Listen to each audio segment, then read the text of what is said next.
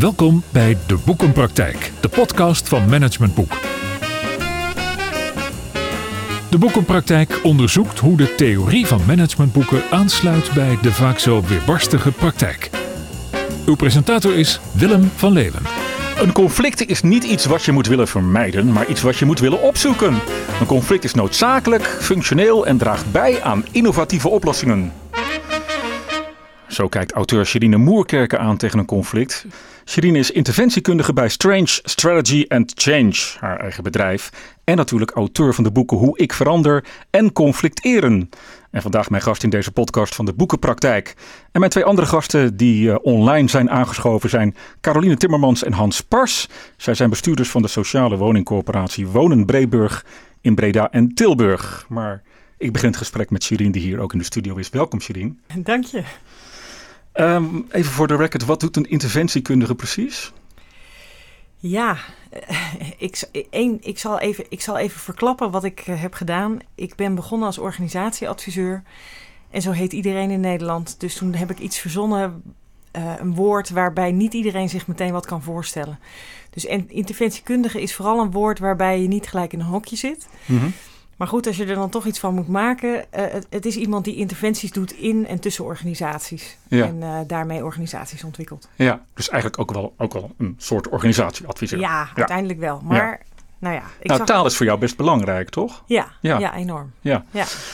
Um, nou, laten we dan toch gelijk maar even over taal doorgaan. Want wat is nou uh, volgens jou de definitie van een conflict? Want jouw boek gaat heel erg over conflicten en conflicten eren. Daar komen we zo nog even op. Maar wat, wat is voor jou een conflict?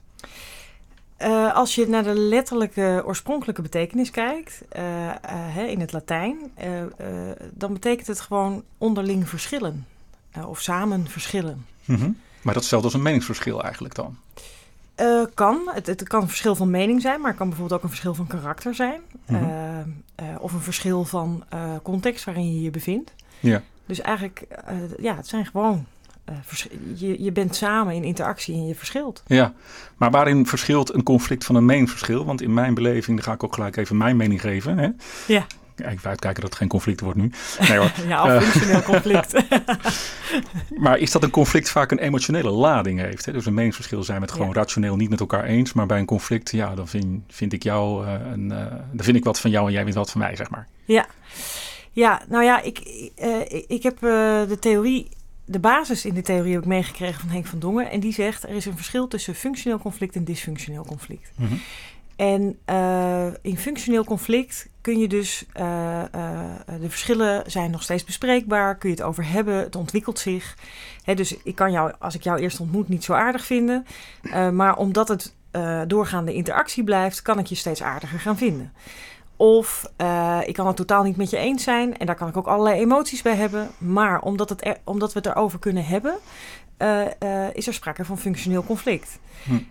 dysfunctioneel conflict, en daar denk jij meteen aan, en dat, dat, dat is natuurlijk waar veel mensen aan denken, dat is slaande deuren of uh, ander uiterste, we doen net alsof het er niet is en dan uh, houden we het lekker stil. Ja, dat is eigenlijk wel interessant. Hè? Dat we misschien al zo geframed zijn in Nederland dat we onmiddellijk bij een conflict aan iets dysfunctioneels denken. Ja. Ja, ja. Terwijl het dus ook heel functioneel kan zijn. Absoluut. Uh, een boek over conflicten. Het is niet het eerste boek. Wat maakt het in deze tijdgeest wat jou betreft urgent? Ik denk dat, ja, ik zelf kom veel in organisaties in het maatschappelijke domein. Uh, uh, en ik zie dat de vraagstukken die, waar we nu uh, antwoorden op moeten vinden behoorlijk complex zijn. En ik denk dat je op complexe vraagstukken ook complexe antwoorden nodig hebt. En dat betekent dus dat je eigenlijk heel veel verschil aan tafel moet hebben en dat ook functioneel moet maken, wil je antwoorden vinden die je nog niet kan bedenken. Hm. Uh, dus in de neuzen dezelfde kant op strategie vinden we geen antwoorden meer, volgens mij. Nee, nee. En dat is wel de neiging natuurlijk. Hè. We zijn denk ja. ik in Nederland vooral heel erg uh, aan het polderen altijd. Dus ja. we zoeken onmiddellijk naar die neuzen dezelfde kant op strategie. En daar, ja, daar slaat het een beetje dood of zo. Ja, nou, daar verliezen we ook, denk ik. Uh, hè? Dus, dus wat ik zie gebeuren is dat als uh, iemand antwoord A heeft en iemand antwoord B, uh, dan is het zo dat antwoord A het wint van antwoord B, bijvoorbeeld. -hmm. Of dat er een klein beetje van antwoord A moet worden ingeleverd en een klein beetje van antwoord B. En dan maken we een compromis. Maar in beide gevallen verliest er iemand. Hè? In het tweede geval zelfs twee iemanden verliezen wat. En ik denk dat als je het verschil naast elkaar zou kunnen laten bestaan... Uh, en dat echt kan omarmen in al zijn schuring... ja, dan blijven werkelijkheden dus overeind. En, en verzin je echt nieuwe oplossingen. Ja, en uh, bij dat verliezen, zeg maar, hè, waar je het net over had... Uh, als uitkomst van een soort van compromis... is dat dan wat jij noemt een stil conflict? Ja, ja, de stil conflict is dat je ogenschijnlijk uh, vinden mensen het allemaal goed en oké okay en uh, iedereen is het eens. Uh, maar vaak zit dat in de categorie wereldvrede. Hè? Dus mm-hmm. ik adviseer in een gezinsveiligheidsketen. En natuurlijk is het zo dat iedereen het doet voor het gezin of voor het kind. Ja. En daar zijn we het dan allemaal over eens. Ja. Maar wat er dan ondertussen niet op tafel komt, is waar we het allemaal niet over eens zijn. Ja. En, dat, en dat blijft dan stil. En wat gebeurt daar dan mee? Wat is het effect van zo'n stil conflict? Want dat, dat ettert dat dan ergens door? Of hoe moet ik dat dan zien? Ja, nou ja, uh, stiekem uh, spelen er dan allerlei dingen, allerlei belangen mee, allerlei wensen mee, allerlei vrezen mee, waar dan dus geen rekening mee wordt gehouden. Dus uh, hè, als ik weer in die, in die veiligheids, gezinsveiligheidsketen kijk, dan zie ik dus organisaties die echt bang zijn om iets te verliezen mm-hmm. als ze gaan samenwerken met de andere partners als dat niet uitgesproken wordt, dan gaan ze dus proberen een aantal dingen gewoon te saboteren of uh, te zorgen dat hun belang uh, behartigd blijft. Ja. Terwijl als het op tafel ligt, dan kun je dus in het vinden van je oplossingen rekening houden met het gegeven dat zij bang zijn om het te verliezen. Ja, ja, ja. En dan kun je zelfs oplossingen bedenken waardoor dat uh, minder pijnlijk is of niet hoeft. Of, nou ja, ja, ja, en het toch meer recht wordt gedaan eigenlijk aan nou ja, werkelijkheden van anderen, zeg ja. maar. Ja. ja. Oké, we gaan dus nog even over door natuurlijk. Maar ik heb uh, altijd in deze podcast drie stellingen. En die wil ik jou ook even voorleggen. Met het verzoek om alleen even met eens of oneens te antwoorden. En daarna natuurlijk tijd voor jouw nuance. Stelling 1. Omdat in de psyche van ons mensen een angst aanwezig is voor afwijzing, is alles in ons erop gericht om conflicten te vermijden en voorkomen. Oneens. Interessant. Stelling 2. Eigen belang gaat in de samenwerking toch bijna altijd boven groeps- of organisatiebelang. En dat is een voedingsbodem voor conflicten. Eens. Stelling 3. Juist een gevoel van onmacht draagt vaak bij tot het creëren van een conflict. Eens. Even eerst terug naar die eerste stelling. Um, opmerkelijk vond ik dat wel. Jij zegt dus op de stelling, uh, omdat in de psyche van ons mensen een angst aanwezig is voor afwijzing, is alles in ons erop gericht om conflicten te vermijden en voorkomen. Oneens. Kan je dat toelichten? Ja. ja, mijn vermoeden is dat het eerlijk gezegd heel Nederlands is. Dus niet wij mensen, maar wij mhm. Nederlanders. Oh. Dus uh, Joris Luindijk heeft de inleiding in mijn boek geschreven. Uh, die vertelt daarin dat hij in vijf verschillende landen heeft uh, gewoond in zijn leven. En dat hij zich zo ontzettend verbaast over hoe Nederlanders zo bang zijn voor conflict. Mm Dus uh, als hij uh, hier een debat leidt, hè, dan moet hij aan het eind bijna devoot zeggen: Nou, de partijen zijn er niet uitgekomen. Ja. Terwijl als hij dat in Engeland doet, dan, uh, dan natuurlijk zijn de partijen er niet uitgekomen, want ze zijn op dat verschil uitgezocht. Dus ja. dat is juist precies de bedoeling. Ja. Is eigenlijk heel jammer als ze wel een compromis uh, of, uh, of iets, hè, of ze wel met elkaar goed uitkomen. Ja, maar is er toch ook niet iets, iets psychologisch in ons? En ik weet dat jij uh, altijd in de, naar de interactie kijkt en niet zozeer naar de psyche, maar daarom ga ik toch even deze afslag nemen natuurlijk. Is er toch niet iets psychologisch in ons, ondanks dat Joris misschien andere ervaring heeft, waarin wij zoiets hebben van, ja weet je, op het moment dat ik nu niet aardig met jou meer ben of niet aardig ga doen en het bewust ga opzoeken of onbewust ga opzoeken, ja dan vind jij mij misschien wel niet meer aardig vind ik jou niet meer aardig en dat willen we niet. Uh, ja, ik, nou ja, ik denk dus niet dat het een algemeenheid nee, is. Nee. Ik denk dat dit wel speelt bij mensen die, dat, die er bang voor zijn. Ja, ja, dat, ja. dat wel. Maar uh, uh, ik merk bijvoorbeeld, eh, sinds ik dus heel erg het verschil opzoek met mensen, dat ik vaak juist veel intiemere relaties krijg met mensen, eh, veel hechtere relaties krijg met mensen, juist omdat ik het verschil opzoek. Ja, ja. En, en, um, dat en dus klinkt... ben ik er ook niet bang meer voor. Nee, nee. En um, hoe zoek je dat verschil op? Is dat meer gewoon voor je eigen mening opkomen? Of wat, wat? Uh, uh, nee, ik luister echt naar wat wordt er niet gezegd. Of uh, heb, nou, heel simpel voorbeeld. Bij die intake, bij, de, bij, de, bij die gezinsveiligheidsketen zaten twee bestuurders. Ja. En ik, de vraag die ik bijvoorbeeld heb gesteld is: waarom zitten jullie twee hier? En waarom niet de andere vier? Ja.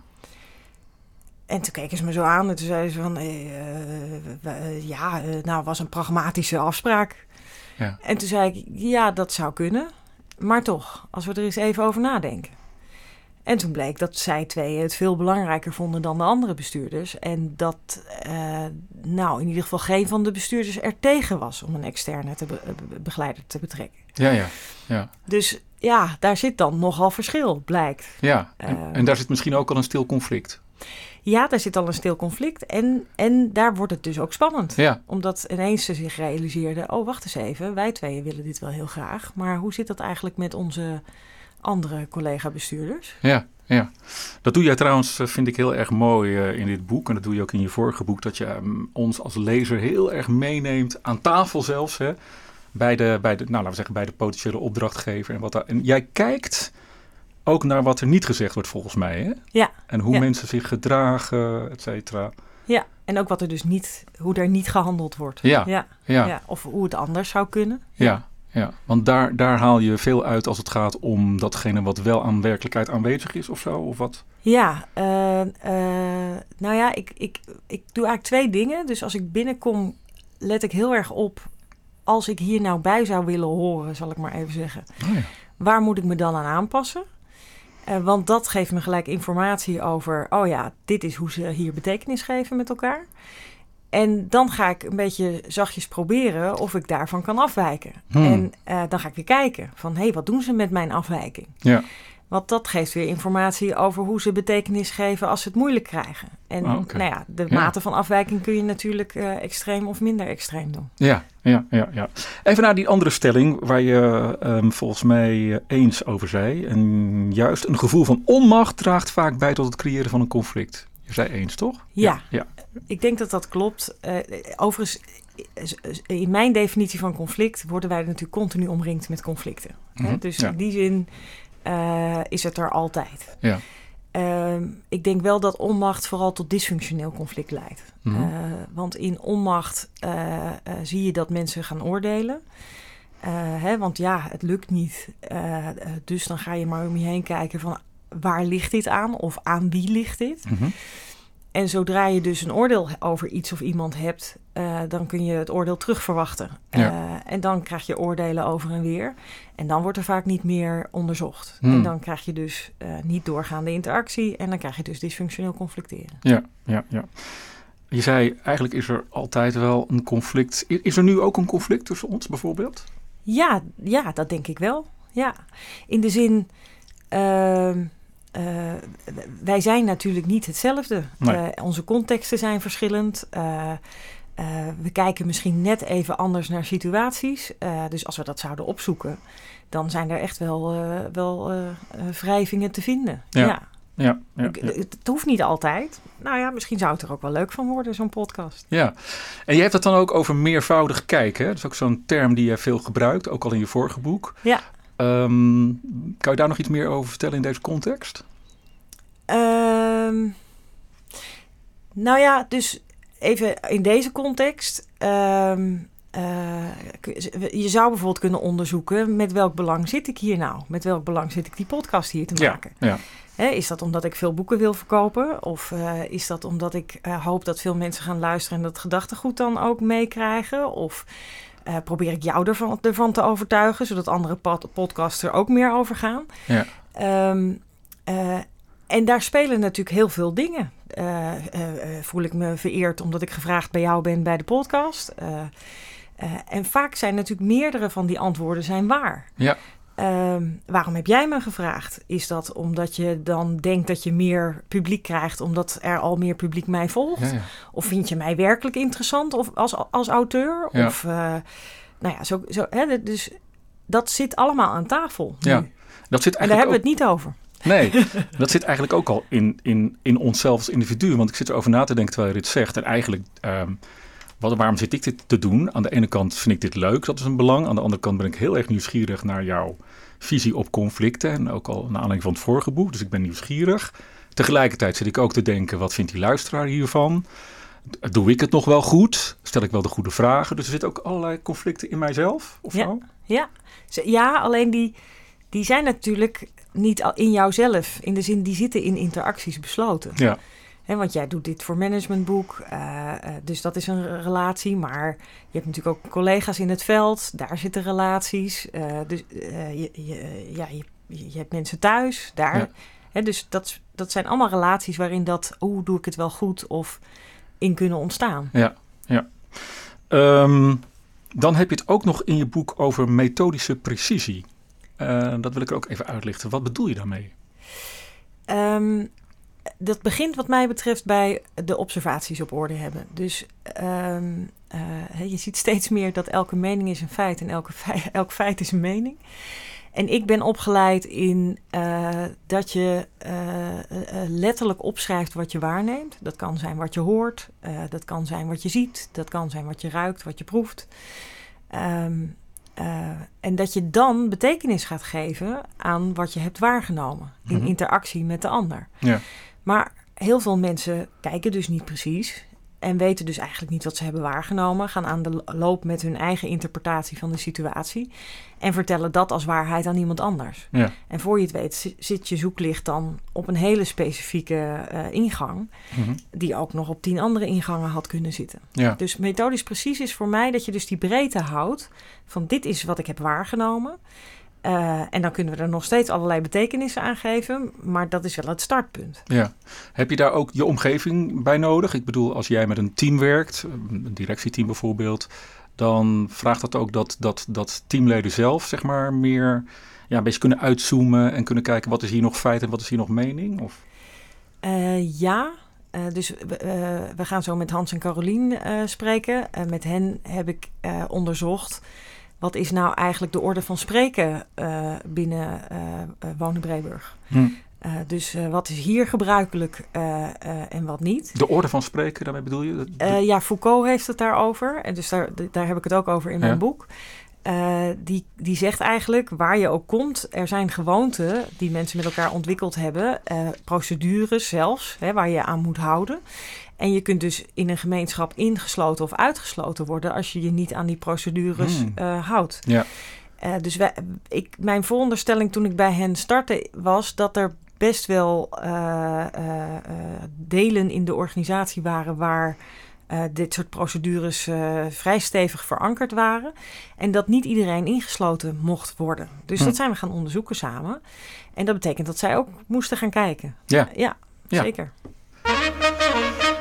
Nou, je maakt het bruggetje natuurlijk al naar onze twee andere gasten in onze podcast. Caroline Timmermans en Hans Pars. Ze zijn bestuurders van de sociale woningcorporatie Wonen Breeburg in Breda en Tilburg. En ze zijn uh, aanwezig, maar wel online. Um, ja, even aansluitend op het laatste wat uh, Sherine zei. Namelijk, um, hoe zei je dat nou zo mooi? De, de, de werkelijkheid of de... Nee, je gaf er een... De orde van spreken. De orde van spreken, ja. Um, als je dat zo hoort, wat, wat, wat, wat, wat, wat denk je dan? Ja, we, hebben, we zijn al een tijdje onderweg met Shirin, dus dit, is ook alweer, eh, dit, gaat, dit gaat ook alweer even terug.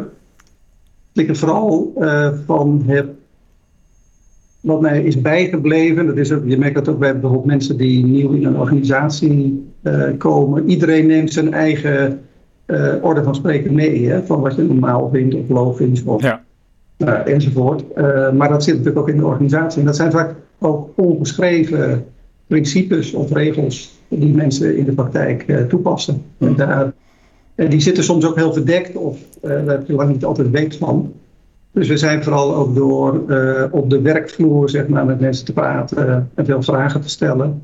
Vooral even op zoek gegaan naar een beetje die informele regels. Ja. en dat leert, ja, het interessante ervan is dat je, als je dat doet, dat je ook op allerlei vraagstukken of dingen daardoor komt. Ja. Die je op het eerste gezicht anders helemaal niet zo snel ziet. Ja, want jullie werken samen met Sherine, dat werd net al aangegeven. Wat, wat is daarbij de organisatievraag of de uitdaging die jullie bij Sherine hebben neergelegd?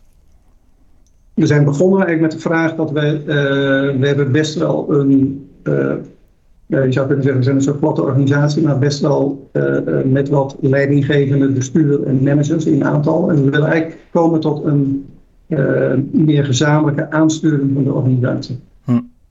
Een meer gezamenlijke, want eh, dat wa daar waren te veel eilanden of zo? Of? Dat is een aspect. Uh, gezamenlijke sturing is ook, gaat ook heel erg over samenwerking. En dan kom je nou tot uh, uh, gezamenlijke keuzes en prioritering en die stemmen daar dingen met elkaar af. Maar ook wel samenwerking in de zin van uiteindelijk moet je het met elkaar doen. En hoe kun je dat nou slim organiseren? En als je natuurlijk redelijk veel ja, afdelingen of teams hebt, uh, daarmee is de horizontale verbinding natuurlijk nog niet uh, geregeld. Mhm.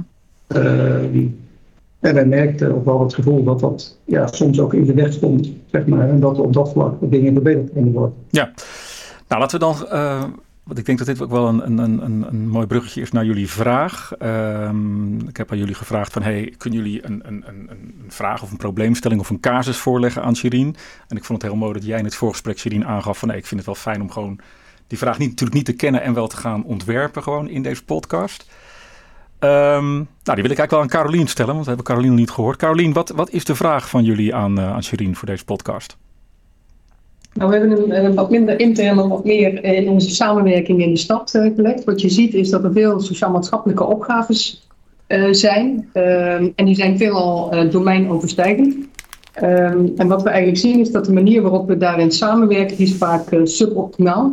En eigenlijk zowel um, op, op, bestuurlijk, maar ook op uitvoeringsniveau zitten daar patronen in die eigenlijk niet leiden tot een effectieve manier. Maar we, we zijn ook niet echt bij machten of hebben ook niet Ehm, het, het, in ons om dat op een manier te doorbreken, waardoor je uiteindelijk wel tot een effectievere samenwerking komt en ook echt invulling aan die sociaal-maatschappelijke opgaves geven. En wat, wat maakt die samenwerking minder effectief? Ja, dat is een vraag die ik toch nog even stel hoor. Maar... Uh, misschien ook wel, uh, waar het daar straks over ging, uh, van welke belangen zitten er voor een ieder, wat ligt op tafel, hoe maak je de verschillen daarin ook helder en hoeft er niet tegenover elkaar te staan, maar hoe gaat dat samen? Dus ik denk dat op dat vlak absoluut iets ligt bij die verschillende partijen.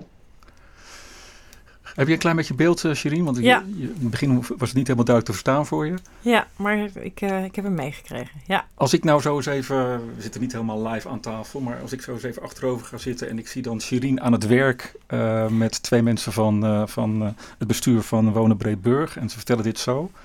Hoe, hoe gaat dit nou verder, zo'n gesprek? nou, ik zou. ga ik het doen? Ja, graag. Ja. ja. nou, Carolien, dan, dan zou ik jou vragen: heb je een concreet voorbeeld, een, een situatie van vorige week of de week daarvoor, een vrij recente, waarin je uh, met elkaar aan het overleggen ben, bent en dat dat niet helemaal gaat zoals je wil? Um, ja, ik heb er wel een. Uh, we hebben een, een convenant gesloten. Um, over een, een, een, problematiek van een uitstromingsschema corona en maatschappelijke opvang. Uh, daarin zijn in feite afspraken in gemaakt van hoe je daarmee omgaat. En dat convenant is getekend. Vervolgens zitten we nu in de uitvoering daarvan. En dan komen eigenlijk de afspraken die daarin staan, worden toch weer ook in, uh, ter discussie gesteld. Um, en dat wordt dan op uitvoeringsniveau eigenlijk gelegd om dat weer op te lossen. Terwijl je dat bestuurlijk uh, eigenlijk ingezet hebt en tot, een, tot een samenspraak komen. Maar dan blijkt dus dat uiteindelijk het voor een aantal partijen weliswaar handtekeningen hebben gezet. Maar ik dat toch niet uh, gênant bij voelen of, of tegen problemen aanlopen en dan komt het eigenlijk weer terug. En, en hoe loopt dat nu in het vervolg? En dat, nu hoor ik op uitvoeringsniveau dat mensen daar proberen oplossingen voor te zoeken. En dat vind ik wel bijzonder. Ja, en, en hoe, je zegt het wordt ter discussie gesteld. Uh, hoe gaat dat? Dus als ik de camera aanzet en uh, geluidsman erbij en ik zit bij zo'n bijeenkomst. hoe, wat gebeurt er dan precies? Met hoeveel zitten jullie om tafel en dan? Um, nou ja, dat is misschien wel bijzonder dat het juist op uitvoeringsniveau weer op tafel komt. Dus niet zozeer uh, op het bestuurlijk niveau uh, terug, terwijl het speelt uh, wel. En het bestuurlijk overleg is op dat moment ook niet meer. Het is nu in uitvoering, moeten werken op iets, iets uitwerken. En nu zie je dat er eigenlijk weer teruggekeken wordt op ja, discussie over de uitgangspunten. Aha, en hoe kom jij daar dan achter? Um, nou ja, dat is dan het mooie via een zeg maar, update van een werkgroep. Uh, en dan wordt dat door een collega van mij gemeld. En dan denk ik van dat nou, we hebben daar ook juist afspraken over gemaakt. En dat we daar naartoe moeten groeien. Hè. Dus het is ook niet dat het in één keer zover is. Maar nu lijkt het alsof de hele afspraak ter, ter discussie staat. Ja, en, wat, en, en dat, dus de laatste keer kwam jij zo'n collega tegen van jou en die zei dat. Mm -hmm. en, en toen, wat heb jij toen gedaan? Uh, eerst gevraagd om nog wat preciezer te duiden uh, wat nu de opgave is waar zij mee bezig zijn. En dat heeft hij nog een keer uh, aangegeven en opgehaald. Ja, en vervolgens, wat er dus nu heel recent, nu ligt het eigenlijk bij mij. En nu ga ik me dus bezinnen op en wat nu. Ja, dus je, je collega heeft het meer geduid. Dus je hebt het uitgezocht Mhm. van wat is er nou gebeurd. En toen heb je gezegd, eh, nou, ik ga daar wel mee terug. Of hoe, hoe ging dat precies? Ja. Ja. Ja, dat klopt wel. Want dat was wel mijn eerste gevoel. Ik dacht van oké, dit pak ik nu eh, weer mee. En ik ga naar eh, onze wethouder zeg maar eh, in het Tilburgse. Om hier in ieder geval het gesprek over te hebben. Van wat, wat gaat hier nu van vervolg aangegeven worden? Ja. En dat, heb je dat al gedaan of nog niet? Nee, nog niet. Oké. Wat verwacht Dat je dat er gaat gebeuren? Mm. Ja, wat verwacht ik gaat gebeuren? Nou ja, misschien is dat wel wat, wat jij daar straks al aangaf. eh, dat het, eh, het lijkt elke keer zo'n gepolder dan. Want dat er dadelijk wel wat begrip komt dat twee gemeentes daar misschien nog niet echt aan kunnen voldoen. En dat de, de andere dan net iets meer opneemt. Ehm, terwijl het, het ik, ik weet niet of het echte scherpe gesprek eh, en het conflict, zeg maar, in hoeverre dat echt op tafel gaat komen. Nou ja, dus weet je, normaal gesproken zou ik nu dus eh, hè, twee uur met hun uitzoeken wat precies de observaties zijn en hoe, hè, wa- wat daar dan precies gebeurd is. En daar, en daar kun je dan heel mooi de patronen uithalen. Maar wat ik in ieder geval al zie, is dat eh Carolien, die gaat er dus mee weg. Hè, dus die krijgt een boodschap en die Ja. gaat ermee weg en die gaat naar de wethouder. Ja.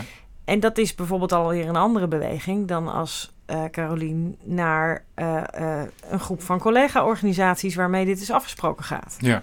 Dus we zijn bijvoorbeeld heel erg gewend, dat zit zo in de orde van spreken, dat je naar eh, de hoogste baas gaat. In dit geval de regisseur, in dit geval de gemeente. Ja.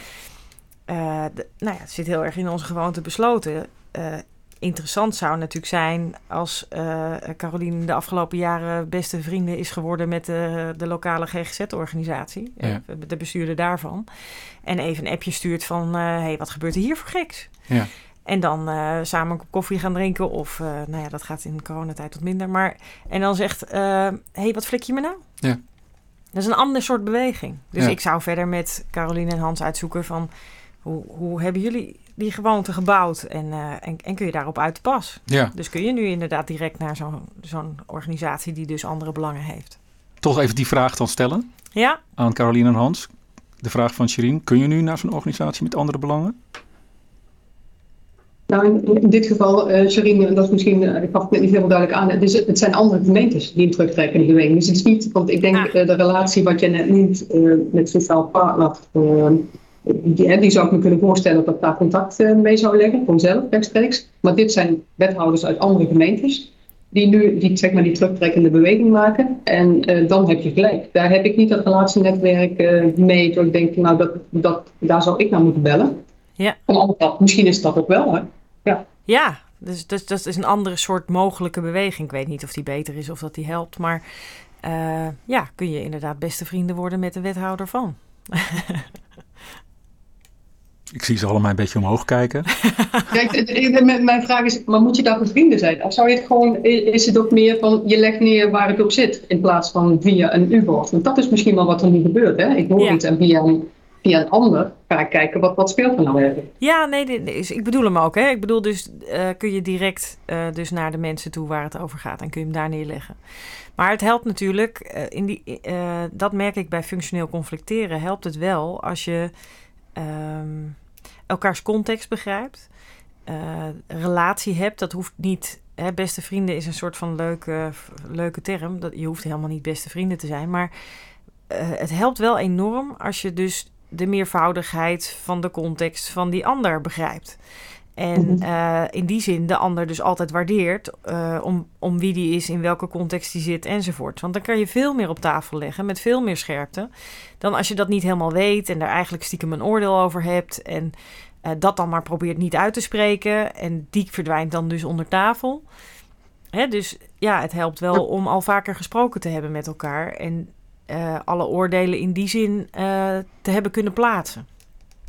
Wat jij ook aangeeft, is eigenlijk in, in die voorfase, eh, om te komen tot een convenant, is dus gewoon niet alles op tafel gekomen. Er zijn ook, zeg maar, de, de problemen waar iemand mee loopt, of de, de risico's die iemand ziet, die zijn onuitgesproken of onvoldoende uitgesproken geweest, eh, om toch maar tot een soort polder afspraak te komen. Ja. En, en het is misschien wel iets wat we in dat, en dat is bedoelde, wat ik ook bedoelde met die sociaal-maatschappelijke opgaves met verschillende partijen samen, om dat echt scherper te krijgen.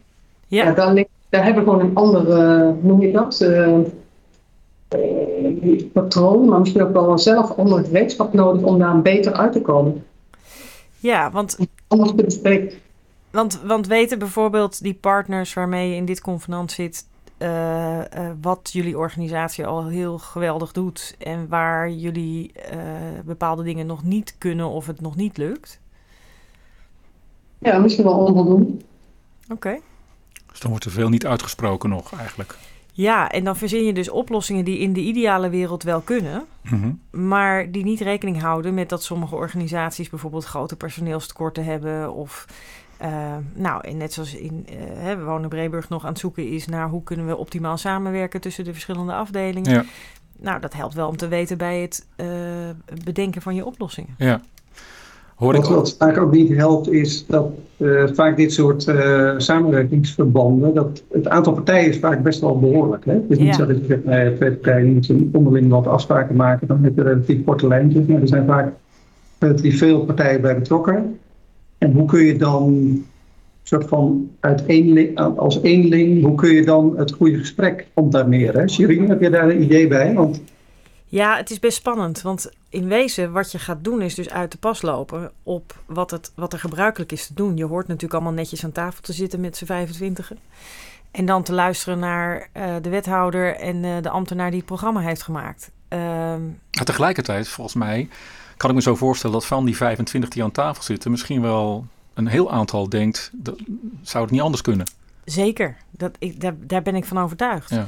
Dus ja, mijn suggestie zou dan zijn: eh, eh, check inderdaad aan de voorkant eh, is bij een aantal partijen waar, waar je van vermoedt dat ze er hetzelfde in zitten als jij.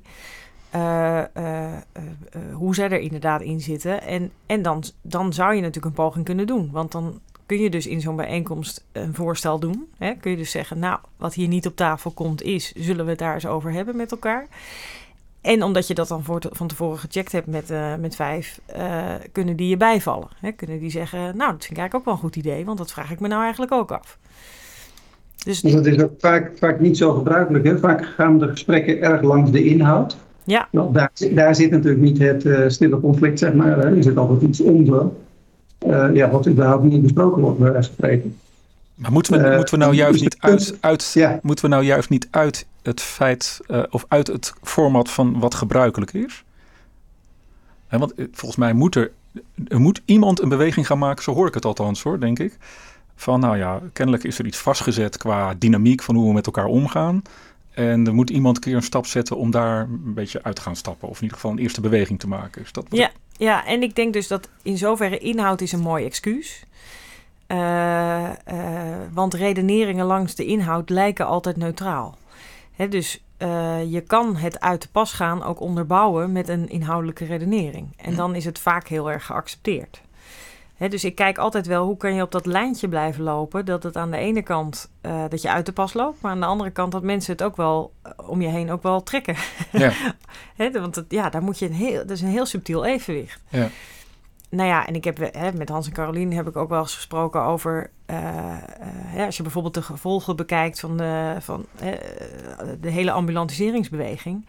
Ja, vroeger had je eh, drie eh, mensen op een galerij wonen van tien woningen eh, eh, die iets mankeerden. En nu zijn dat bij hun huurwoningen eh, zeven van de tien. Eh, nou, daar gebeurt dus echt wel iets anders. Ja. En als je die redenering maakt, ja, dan heb je de GGZ-instelling natuurlijk ook snel mee. En dan heb je de, de politie natuurlijk ook Ja. snel mee. En Shirin, en, we hebben het de laatste tijd ook wel wat meer over opdrachtgever en opdrachtnemerschap. Ja, Ik merk bij ons als corporatie dat we soms heel erg eh, de neiging hebben, in de algemeen wel zeker over ergens een maatschappelijke opgave is, dat we ons al heel snel verantwoordelijk op, eh, voelen, zeg maar, voor een bijdrage enzovoort. Wel, ja, je zou natuurlijk wat meer in je soort van opdrachtnemerrol kunnen stappen. En vooral het gesprek eh, richting de opdrachtgever leggen, hè? Waar het in beginsel natuurlijk ook zou horen. Hoe kijk jij daar tegenaan?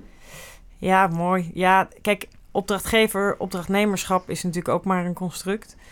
Uh, maar soms helpt het wel om het gesprek te ordenen. En, en bij ongeordende gesprekken eh, is dit een, een, een spelregel die je kunt maken. En ik merk wel dat in mijn adviespraktijk is het natuurlijk heel gebruikelijk om te onderhandelen met mijn opdrachtgevers. Hè? Dus ik krijg een, een opdracht en dan ga ik het er eens eens over hebben onder welke condities dat een succes kan worden. Anders stap ik niet in. Ja. Dat is in mijn praktijk een, een traditie. Mhm. Maar het gekke is dat dat in jullie praktijk dus geen traditie is. Dus Gewoon een stukje contractering eigenlijk. gewoon een stukje contractering. En, en dan wordt hij natuurlijk veel scherper. Want Ja. dan kun je als woningcorporatie zeggen... nou ja, ik wil best meedoen... maar dan heb ik wel dit en dit en dit en dit Ja. nodig. Anders heeft het helemaal geen zin. De grap is natuurlijk dat zo- zo'n convenant is eigenlijk een, s- is eigenlijk een soort contractering. Ja. Waarin je partijen afspreekt eh, nou ja, wat je met elkaar wil gaan doen enzovoort. Daarin maak je afspraken met elkaar. Maar een aantal afspraken of randvoorwaarden worden er waarschijnlijk niet scherp in meegenomen. Nee, ik zie vaak in die convenanten dat het helemaal niet op scherp eh, eh, staat. En dat, en dat heeft te maken dat er dus niet gesproken is over wat niet. En wat zit er aan belangen buiten de wereldvrede opdracht, zeg maar. Ja, dus veel stille conflicten nog. Ik, Precies. Ik, ik moet het hier eh, wel een beetje bij gaan laten. Eh, ehm, als je dit gesprek zo even terugdraait, Carolien en Hans. Wat is dan een eerste volgende betekenisvolle stap die jullie zouden kunnen doen? Heb je een idee? Niet zomaar, niet zomaar convenanten tekenen. Zei die heel moedig. ja, Ja, maar als Hans iets besluit, dan gaat hij het ook doen. Dus dat is echt leuk. oké. ja. Dus dit wordt een actie. Ja. Oké, dan wil ik jullie in ieder geval eh, bedanken eh, voor jullie inbreng. Ehm, wat ik ook zo interessant vind, dat, eh, dat zie ik natuurlijk hier. Jij hebt een, zo'n, zo'n tablet waar je allerlei aantekeningen maakt. En dat, dat vertel je ook in het boek. Ehm, als jij nou zo meteen hier uit deze podcast weggaat. Hè, en dan je gaat in de auto nog even je aantekeningen zitten maken. Als ware dit zeg maar een soort van, ja, wat is het? Adviesgesprek. ja, adviesgesprek. Wat, wat, zou daar dan, wat zou je dan nu opnoteren? Ja, inderdaad. Tijdens het gesprek eh, schrijf ik altijd mijn observaties op. Hè? Dus dan Ja. zou ik daarna nog even mijn interpretaties en mijn oordelen opschrijven. ja.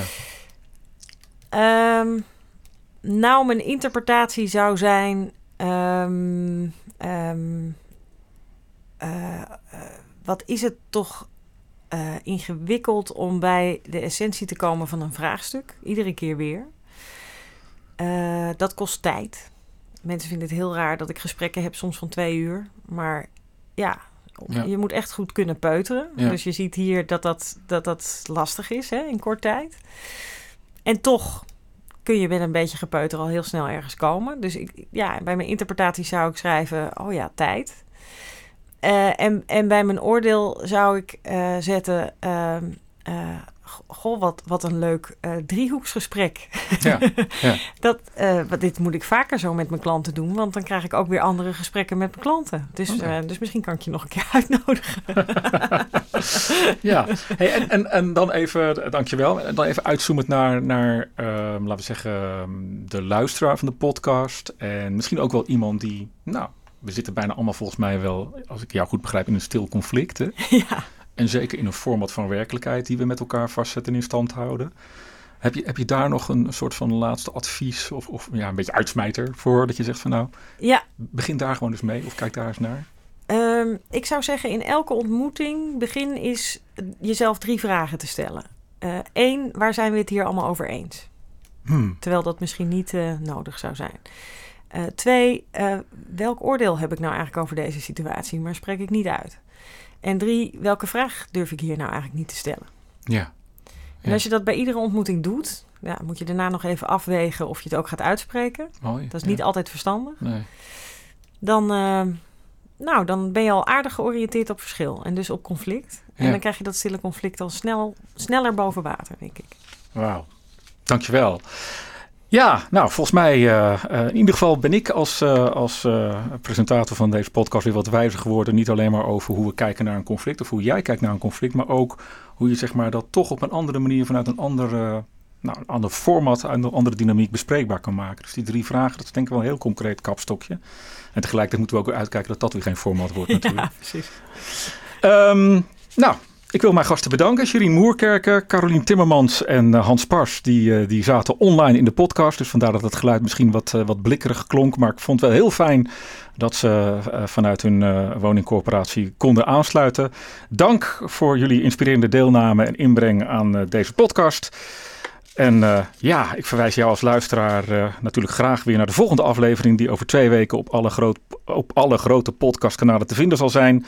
Ook daarin spreken we weer met een auteur over zijn of haar opmerkelijk recent verschenen managementboek. En plotten we de strekking van dit boek op een actuele casus uit de praktijk. Rest mij je hartelijk te danken voor het beluisteren van deze podcast. Heb je vragen, opmerkingen of suggesties? Mail dit dan SVP naar info.managementboek.nl